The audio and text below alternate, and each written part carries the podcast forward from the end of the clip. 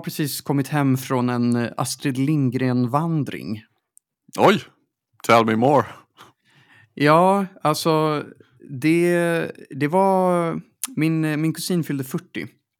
Och, eh, det är då man går på Astrid Lindgren-vandring eller? ja, nej men det var en del av hans present att vi skulle gå på en, en stadsvandring. Liksom. Eh, det var jag och hans syskon. Liksom.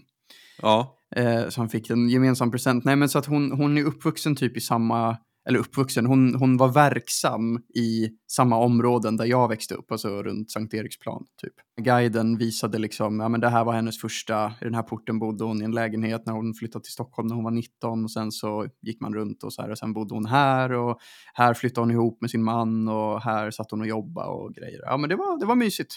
Mm. Hur, hur länge håller man på på en sån då? Ja men typ två timmar går man runt.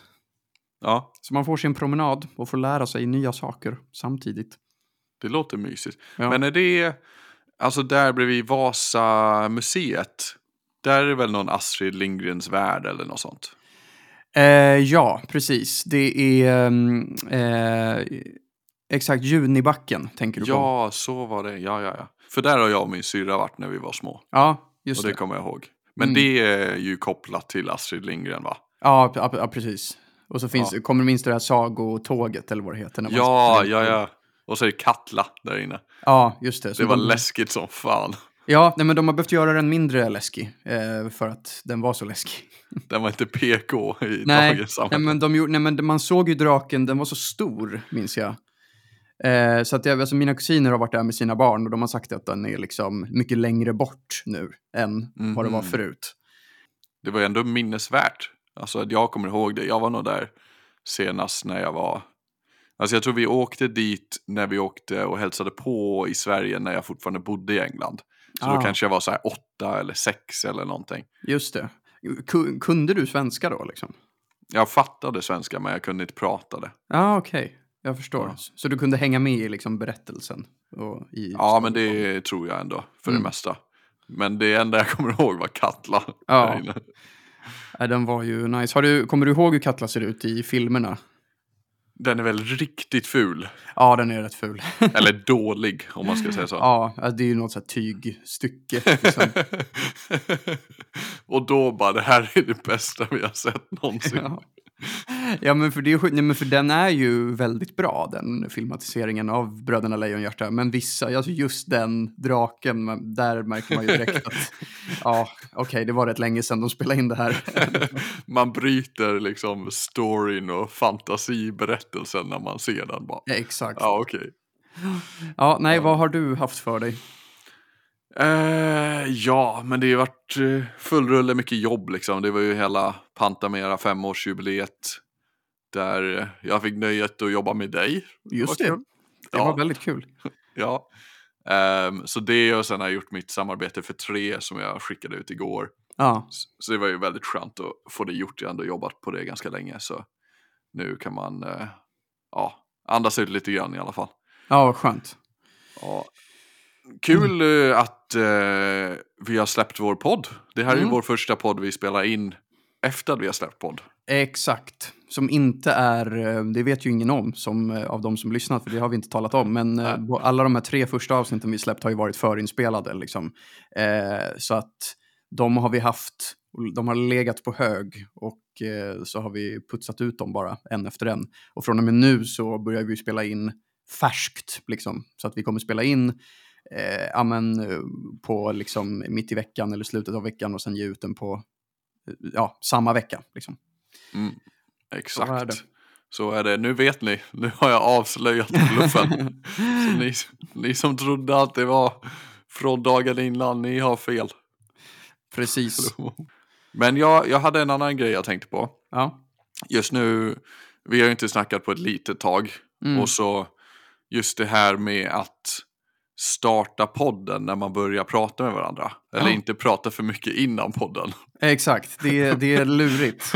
det är en rolig grej ändå. Alltså, för jag var ju jag var med på den här Raw Comedy-podden med Mårten Andersson och eh, Tobbe Ström. Ja. ehm, ett tag sedan. Men då, det var väl en av de första poddarna jag var med på tror jag. Mm. Och då var det ändå lite så, jag kom dit lite tidigt. Och då sa, hälsade jag på Mårten och jag snackade med honom tidigare, supertrevlig. Mm. Men då sa han lite så här, ja men eh, kul, vi, vi kan ju snacka mest när podden börjar så blir det liksom, ja, så får man med allting typ. Ja. Men sen var jag där lite för tidigt typ. Så, så då blev det ju typ att man satt där lite grann och bara, "Ja, jag vill inte säga för mycket eller fråga för mycket för att vi ska spela in om tio minuter eller någonting. Ja. Alltså det blev bara en stel, lång paus i Ja, början. li, lite grann i alla fall. ja. Men, men jag fattar eh, tanken också att man vill ha med allting liksom. Så att man inte behöver repetera saker. Men, men du var inne på det, vi har ju spelat in Pantameras femårsjubileum precis. Och för de som inte vet vad det är så Returpack har en, eh, eh, en humorkanal som heter Pantamera Humor. Eh, som ja, finansieras av det svenska pa- pantsystemet. Och eh, de har gjort sketcher på Instagram och nu på TikTok också i eh, fem års tid. Och det skulle firas med ett, eh, ja, någon special eh, satsning liksom, för att tacka eh, tittarna som varit med. Eh, så att vi var ju bland annat i en studio i flera, ja, men under en hel veckas tid. Först två veckor på ett kontor och skrev och sen tre dagar i en eh, studio och spelade in jättemycket. Men det var väldigt kul. Det var tidiga morgnar och sena kvällar.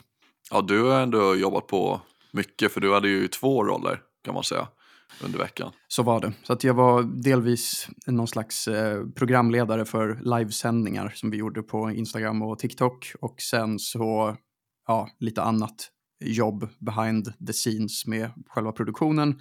Och sen var jag med och skådespelade och skrev också. Så det, var, det var en del grejer. Vad har du lärt dig från den veckan? Oj. Det finns vissa grejer som man inte kan planera, hur mycket man än försöker planera dem. Alltså, eh, alltså det, det är vissa grejer som man måste bara våga lämna lite åt sin förmåga och ödet. Typ att liksom rodda en live-grej. Liksom. För det är så här, man kan sätta jättetydliga punkter och göra jättemycket struktur. Och det ska man göra, men det är oftast så här ganska svårt att följa det och få in exakt allt som ska in eh, på något sätt. Så det har jag väl lärt mig, att man måste liksom våga göra någon slags eh, professionell improvisation ibland.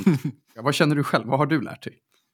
Mm, ja, men lite liknande skulle jag säga. Att Mm. vissa saker gäller bara att göra dem. Och sen blir det som det blir och så lär man sig mycket av det.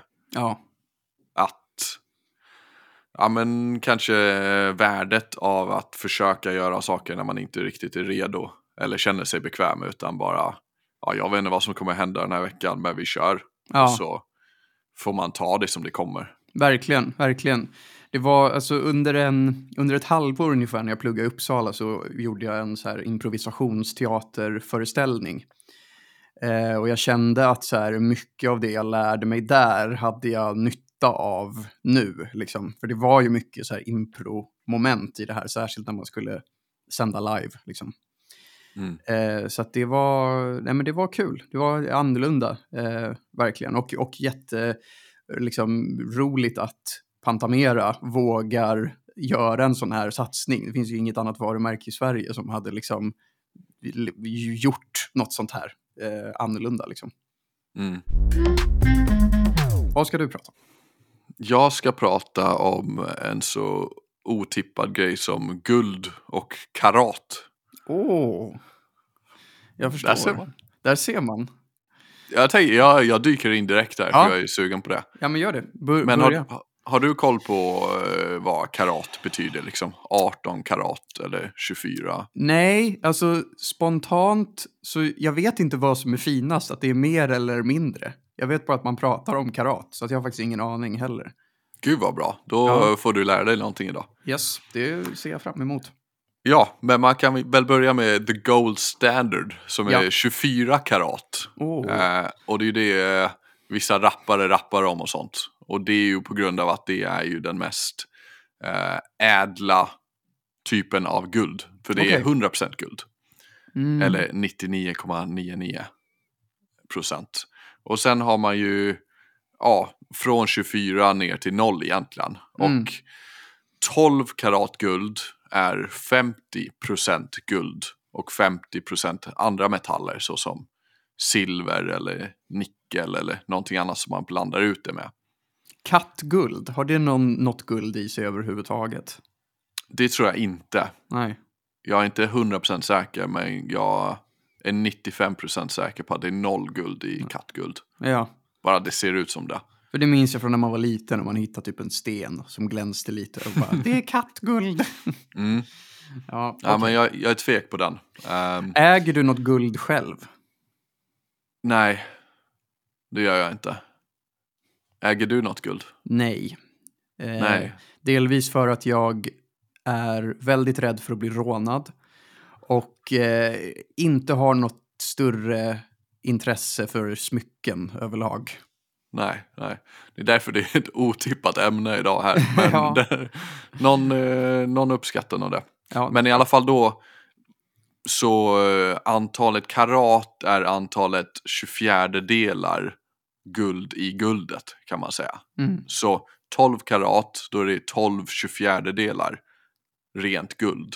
Så Okej. alltså hälften. Och 18 karat, då är det ju mer guld.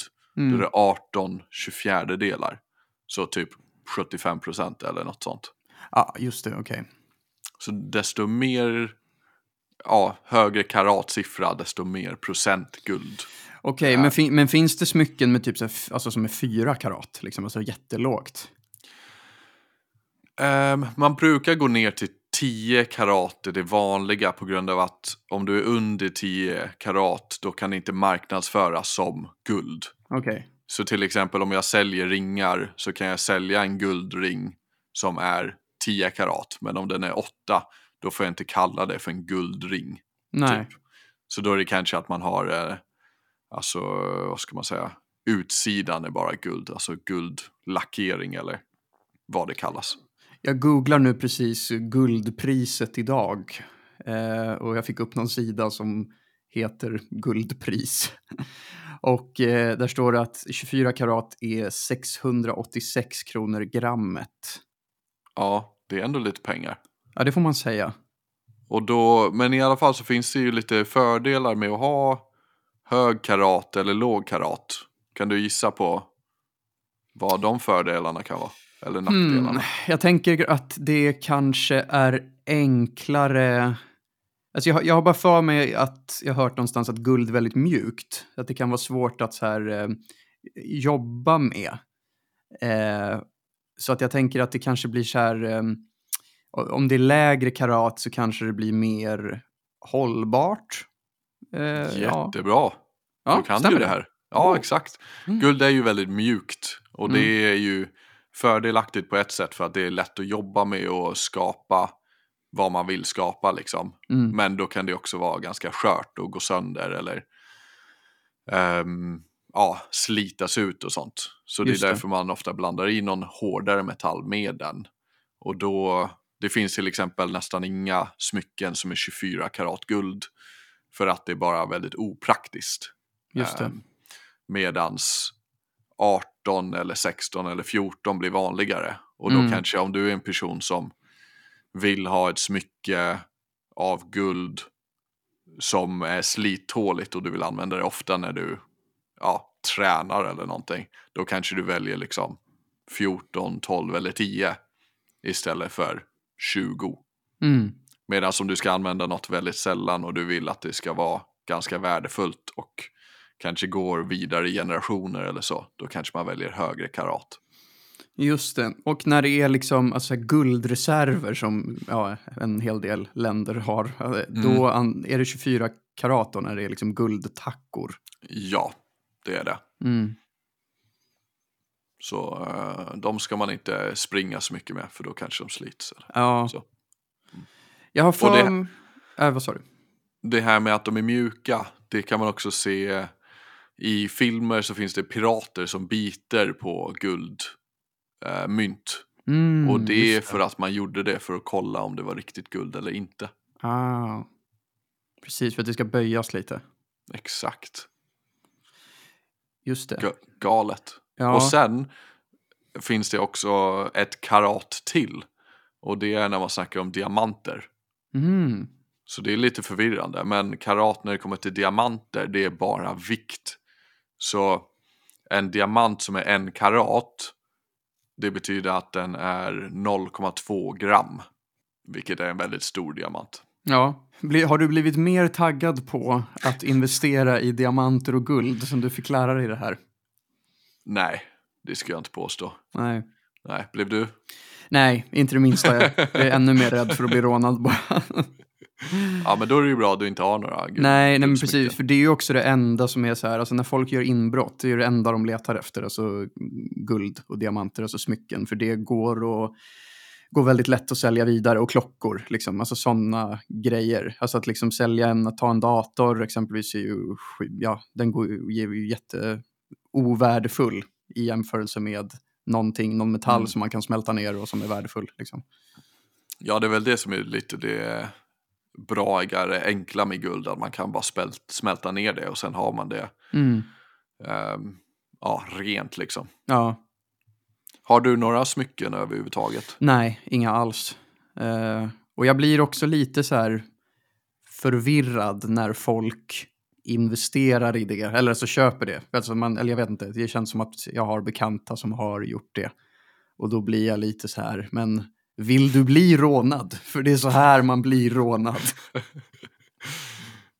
Ja, jag ser fram emot den dagen du ska gå med så här riktig guldlänk runt halsen.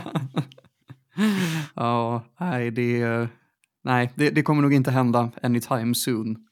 Jag har hört att i vissa, ja det är väl eh, kanske, nej det kanske inte är hittepå, men i vissa länder så kan man få handen liksom avhuggen om du, Mm. när de ser att du har en dyr ring eller någonting, eller en klocka. Ja, ja, ja, nej det förvånar mig inte alls. Äger du någonting som är väldigt dyrt? Nej, Eller vad? jag gör verkligen inte det. Alltså nej men det är ju väl liksom, alltså vad fan är det? Mobiltelefon typ. Alltså det är ju, Ja, eh, annars så är det så här, jag har en gammal dator, min tv är liksom, den är inte jättedyr men det finns billigare liksom. Eh, eller vad, vad, vad säger jag? Den, den, är- den är inte... den är inte jättedyr, Den är inte jättedyr, men det finns, billigare. Ja, jag står fast för det.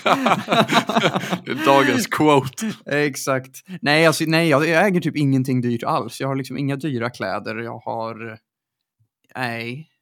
Det är, jag försöker komma på någonting. Men eh, jag försöker ju överlag köpa så lite saker som möjligt.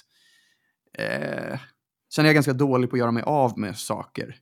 Men jag tror att det dyraste jag har är typ liksom telefonen. Om man bortser från så här bostad och så. Liksom. Men det, Mm. det är väl telefon. Vad, vad, Ja. vad, hur är det med dig? Va, va, va, va, va, Va, hur är det med dig? Nej men eh, samma sak, jag har ingenting speciellt dyrt. Det är väl min, ja, min mobil, men den är Ja, för jag har ingen bil liksom. Alltså de kan ju Nej. kosta. nej. Nej. Men eh, jag funderar ju på att köpa en ny mobil.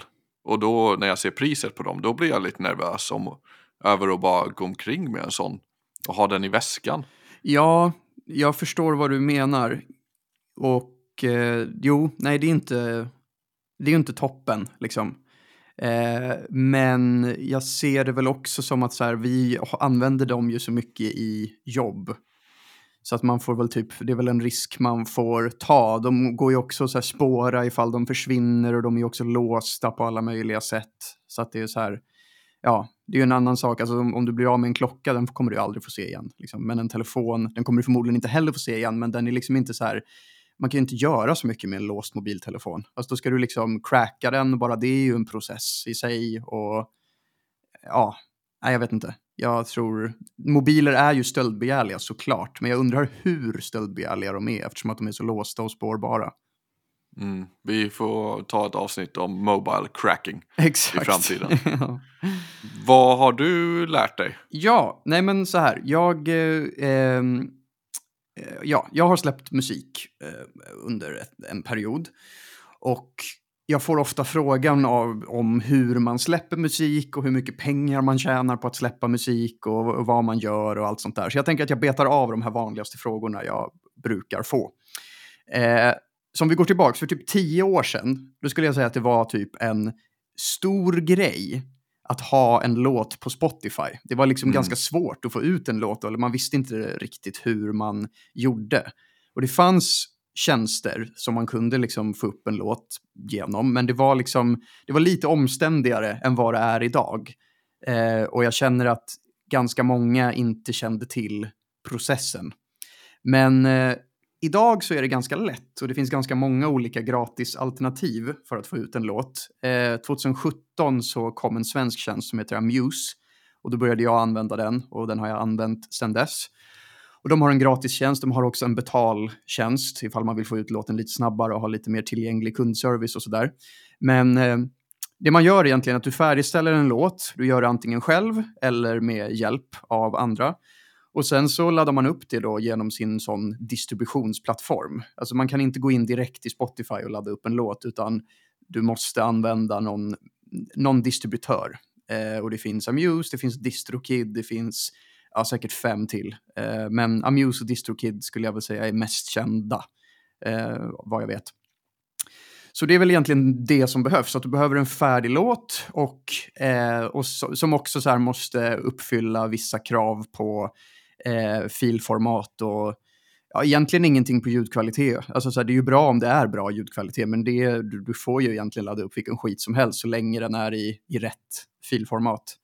Så att så här, Spotify har ju blivit lite mer som Soundcloud, alltså hur Soundcloud var för tio år sedan, då laddade alla upp sin musik där direkt för att det var lite omständigt att få upp det på Spotify. Men nu är det så lätt att få upp det på Spotify så att jag, jag vet faktiskt inte hur pass många som fortfarande använder Soundcloud. Jag vet att det är en grej fortfarande, men jag undrar om det var lika stort som för ja, 8-10 år sedan. Då fanns det också en term som hette liksom Soundcloud rappers. Och jag vet inte om du har hört om det fenomenet? Nej. men det var flera av liksom, eh, ja, men de här rapparna med mycket ansiktstatueringar och olika färger i håret som var så här, de kanske hade sin peak för tre år sedan ungefär. Eh, nu har väl den eran av rap börjat dö lite, men de brukade kallas för Soundcloud rappers så att det lät liksom väldigt så, ja men konstigt eh, överlag. Det var ju väldigt konstig rap och pionjärer inom den scenen är väl kanske liksom Lil Pump och eh, Lil San och sådana. Liksom, de kommer väl ursprungligen från eh, Soundcloud-rap-vågen. Är det de här Island Boys också? Ja, alltså de, de kommer ju... Island Boys eh, poppade väl för typ ett år sedan, så där skulle jag väl säga att Soundcloud-rap-eran var lite förbi redan. Så att eh, Island Boys gick ju direkt in på liksom på YouTube och Spotify och sådär. För jag känner att så här, Soundcloud inte... Jag tror inte Soundcloud breakar artister lika mycket som det gjorde förut. Men jag kan ha fel om det här. Eh, men, men jag tror att Soundcloud lite har spelat ur sin roll för att det är mycket lättare att få upp musik direkt till streamingtjänsterna nu än vad det varit mm. eh, tidigare. Men jag vet att Soundcloud fortfarande används och fortfarande är en grej, men jag tror inte att det är en lika stor grej som förut. Men det var ett sidospår. Eh, för att man hur ska man säga, det är ju många som tror att man måste liksom ge ut musik genom ett skivbolag fortfarande. Och det är, det är ju inte så, eftersom att de här distributionstjänsterna finns. Och eh, då får man behålla också alla royalties själv om man laddar upp genom en sån plattform. Så det är ju väldigt fördelaktigt. Om man skriver en skivbolagsdeal så det varierar jättemycket från fall till fall, men då måste du ge bort det du tjänar på låten. Kanske 50 procent, ibland mindre, ibland mer beroende på vad du har för deal. Mm. Så att när någon lyssnar på din låt på Spotify eller iTunes eller Apple Music eller ja, vad det nu kan vara, då får man 4 dollar för 1000 streams. Och det är innan skatt också. Och då är det ju alltså förutsatt att du äger allting själv, alltså att du inte har släppt med ett skivbolag och att du inte använt någon extern producent, utan att du gjort allt själv med hela låten. Mm. Så typ 40 spänn för tusen stycken streams på din låt. Ja, precis. Sen varierar det också lite utifrån hur lång låten är och vilken streamingplattform den streamas ifrån och så vidare. Och också vilket abonnemang en person lyssnar ifrån. Så att du får på Spotify exempelvis så får du mer betalt av någon som lyssnar genom Spotify Premium kontra någon som lyssnar genom Spotify Free exempelvis. Mm. Eh, och Apple Music ger också lite mer än vad Spotify eh, ger per stream. Så det varierar, men det är liksom, jag skulle säga att det överlag är ganska få artister i Sverige som ja, men lever på sina royalties från streaming. Det är nog mer en bonus liksom, än någonting som man räknar in i sin årsbudget. För de flesta, inte för alla, men för väldigt många så tror jag inte att man ser intäkter från Spotify som eh, någon, alltså några stora pengar. Liksom. Nej. Eh, men man kan ju fortfarande bli kontaktad av skivbolag. Och detta hände mig för bara några dagar sedan. Kul. Ja, men det är kul, för att man, jag har aldrig blivit det förut. Och jag känner ändå att så här, jag har haft ganska många virala låtar på TikTok, men det har aldrig varit någon som har hört av sig. Jag har inte heller hört av mig till någon av dem, ska ju tilläggas. Det kan man ju faktiskt också göra. Men jag är överlag ganska skeptisk till att signa med skivbolag. Jag tror att det kan vara bra. Men om man som jag inte riktigt vet vad man vill med sin musik så tror jag att det är ganska bra att behålla äganderätten över allt själv. Om man har en väldigt klar och tydlig vision om vad man vill göra eh, och man lyckas få eh, en, ett av de stora bolagen på kroken, då kan det säkert vara intressant att eh, utforska. Men jag tror att för de allra flesta så tror jag att man kanske inte har så jävla mycket nytta av ett skivbolag som man kanske förväntar sig att man ska ha. Mm. Av de jag pratar med så träffar jag ju betydligt fler personer som är missnöjda eller har, ja, ja men missnöjda med sin bolagsdeal än som är glada över den. Liksom. Hur många av Sveriges toppartister skulle du säga är signade till ett skivbolag?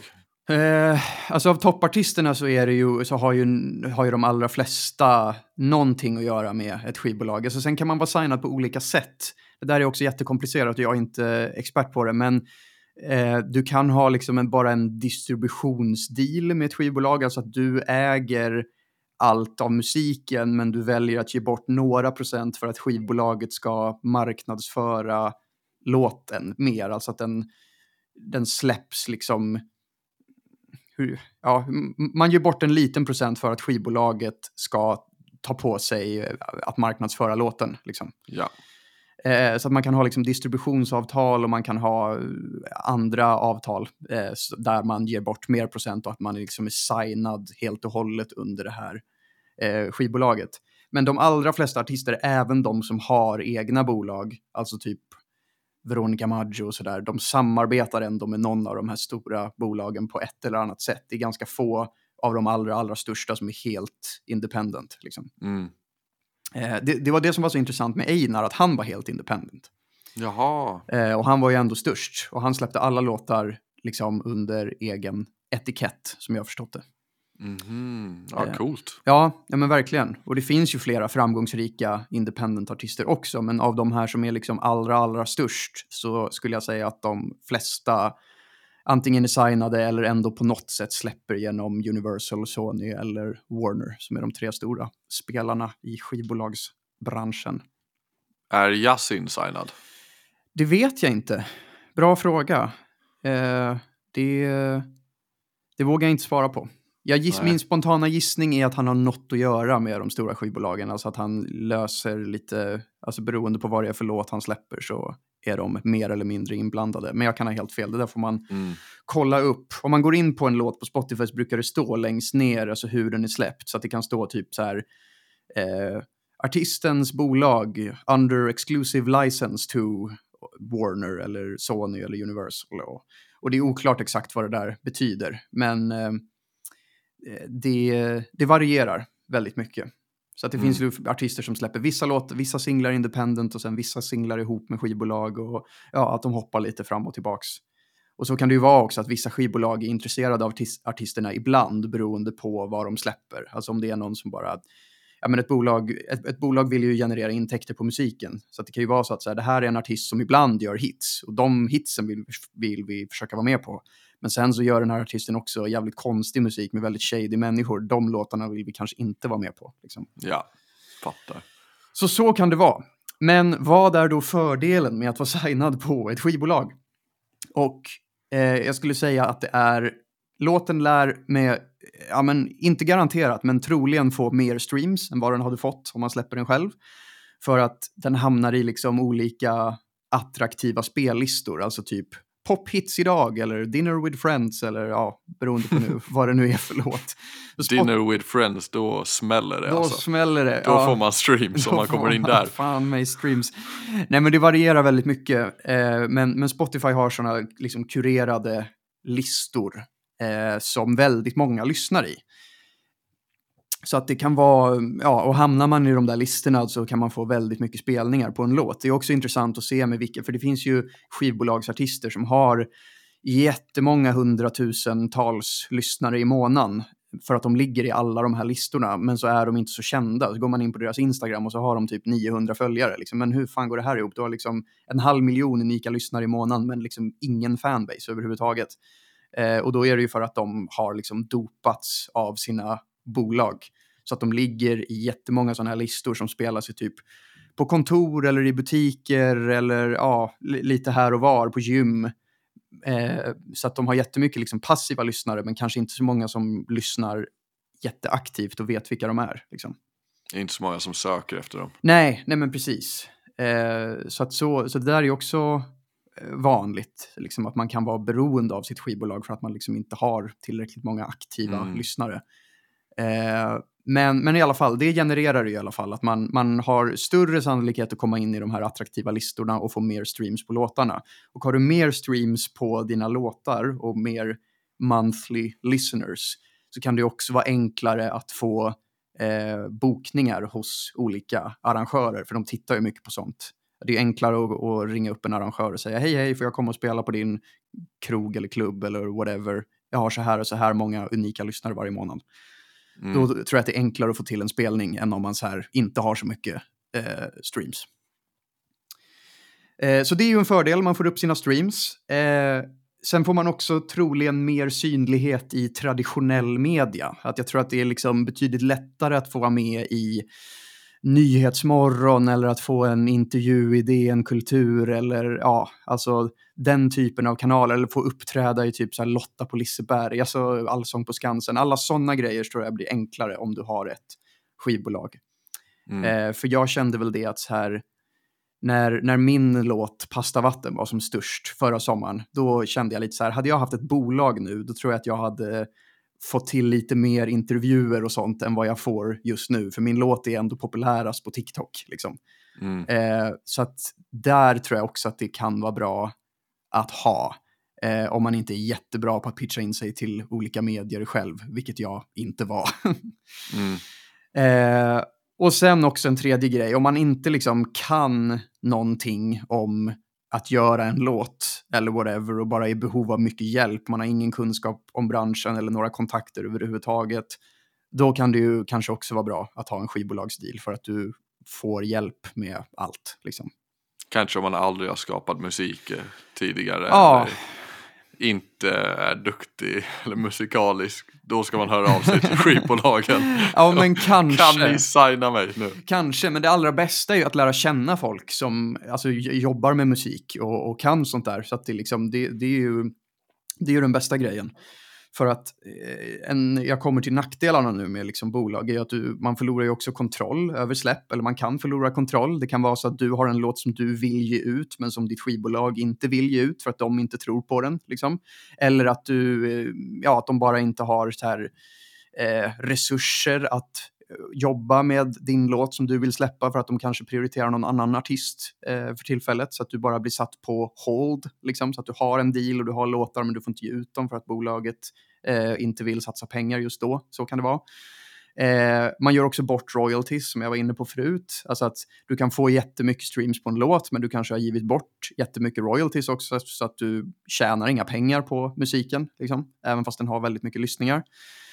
Eh, och sen också det, det bolaget satsar på, eh, på liksom artisten, det förväntar ju de sig att tjäna igen på liksom artistens intäkter. Så att när du får ett, oftast när man signar med ett bolag så får man ett förskott, liksom, alltså en, en klump med pengar som ska användas för att liksom göra klart ett album eller flera framtida låtar eller liknande. Men de pengarna räknar ju bolaget på att liksom få igen på det ens musik eh, streamar. Liksom. Mm. Så att man, eh, det är ganska lätt att man tänker att man får ut massa pengar av att signa med ett bolag, men det är väl liksom pengar som de ska tjäna igen på en och mer därtill. Eh, och sen är det också väldigt svårt att veta huruvida man kommer att prioriteras som artist eller inte. Alltså det kan ju vara så att, du, att, allt, är guld och gröna sko- att, att allt är guld och gröna skogar när man signar.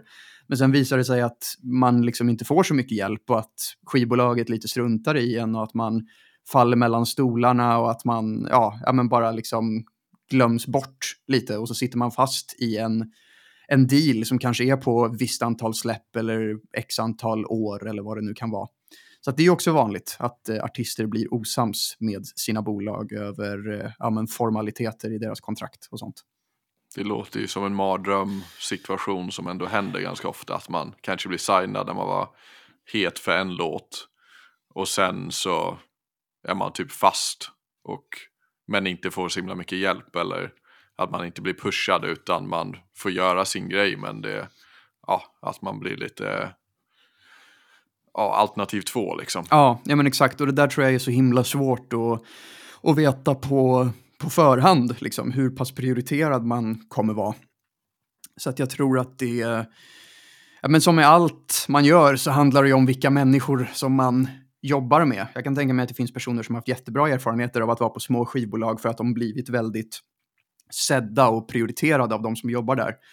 Eh, men eh, det finns nog lika många historier, om inte fler, om där på både stora och små skivbolag där man känner att man liksom, ja, inte fått någon hjälp alls, liksom, och att man bara blivit fast.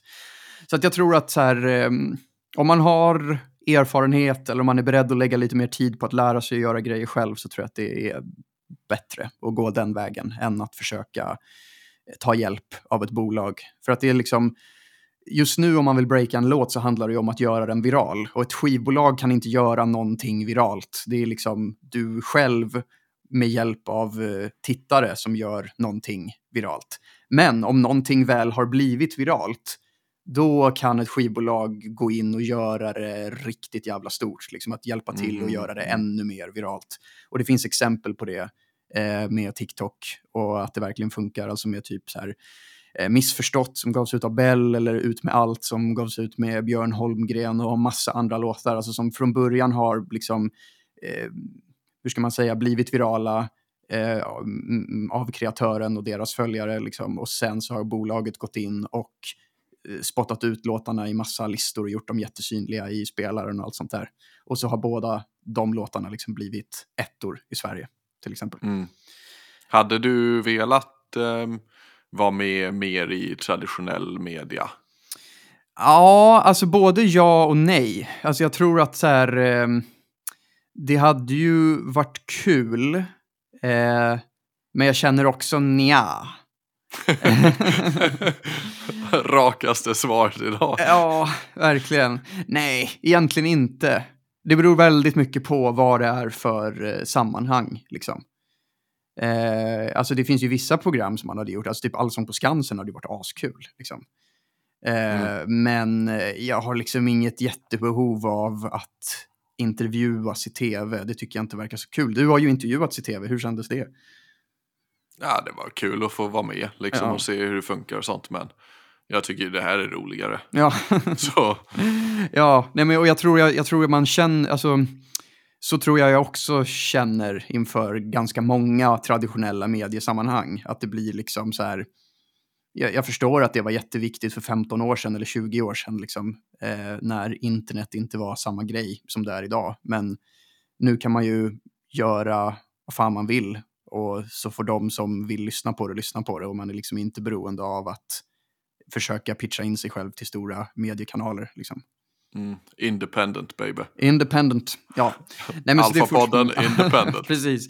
Fast det, det jag kan känna är, jag hade också i ett eh, parallellt universum velat släppa pastavatten på en stor, eh, med ett stort skivbolag bara för att se hur pass eh, större låten hade blivit av att göra det. Alltså jag är jätteglad att jag gjorde som jag gjorde, men det hade också varit intressant att se bara vad skillnaden hade blivit. Hade, liksom, hade det inte blivit någon skillnad alls, eller hade låten blivit fyra gånger så stor om jag hade släppt den med ett eh, major label? Liksom. Mm. Det kommer vi aldrig få reda på. Men om Monica släpps med ja. major label? ja, det får vi se. Jag kommer ju som sagt inte... Det var ju inget major label som hörde av sig, utan det var ett mindre skivbolag Eh, och jag skrev till dem att så här, jag är ganska kluven till skivbolag, men jag kan absolut lyssna på vad ni vill säga. Liksom. Eh, men hon, eh, eller ja, personen som skrev har inte svarat på det mejlet. Så att det blir nog inget mer av det där. Men jag hade ju ändå inte tänkt göra något med det. Liksom. Det är mer spännande att höra vad de liksom, tycker. Liksom. Men du ska släppa låten. Ja, ja, låten kommer släppas, men jag släpper allt eh, som jag alltid har gjort. Alltså independent. Jag laddar upp det på Amuse bara. Liksom. 100% independent for life. For life. No one tells August what to do. nej, exakt. Ja, nej, nu har jag pratat på om det här ett eh, bra tag, men eh, ja, nej, vad... vad eh, hur känner du själv om du ger ut musik? Vilken väg hade du valt? om jag ger ut musik då tycker jag synd om lyssnarna, säger jag bara. Förutom vår rap då, den var ju... Ja, den var episk. Vem vet, det kanske blir mer musik i framtiden. det tror jag. Det ja. tror jag. Jag känner ändå att du har en, en crowd som vill ha mer. Det var ju också många kommentarer på det där inlägget där det är typ så här bara, du är bra Finn. Du, du är bättre än alla rappare jag har hört. ja, jo. Jag tror det är fördelen med att ha, vad ska man säga, snälla fans eller fans eh, eller följare som gillar en, att de tolkar en väldigt bra hela tiden. Ja, exakt. De snälltolkar allt. På ja, verkligen. Och jag älskar det. det är alltid, vad, vad man än eh, säger eller gör så känns det som de tolkar in det på det bästa sättet för dem. Ja. Att så här, det här var genialiskt för att det var ironiskt fast det inte var ironiskt. Eller tvärtom liksom. Uh. Verkligen. Nej, jag håller med. Det är väldigt uh, snällt av dem. Det, det gör så att man vågar lägga upp fler saker. Om man blev sågad på varje grej man la upp så hade det varit jobbigare. Har du någon, eh, någonting som du blivit riktigt sågad för? Um, vilken bra fråga. Nej, alltså jag kan inte, alltså riktigt sågad eh, har jag ju inte blivit för något. Alltså det är ju verkligen, vi har ju snackat om det i något annat avsnitt, att så här, om det är något som folk bara så här inte känner så mycket för, då får det ju inte så mycket visningar heller, så att det är inte så många som ser det. Fick inte du kritik för att du sa eh, dagis om förskola eller något? Uh, ja, jo, kanske, men alltså det, det räknar inte ens som kritik. Nej. Det, det registrerar jag inte ens. Nej. Det är ju bara kul. Jag tycker verkligen att man bara ska ta feedback från folk som gör saker som gör saker bättre än dig själv.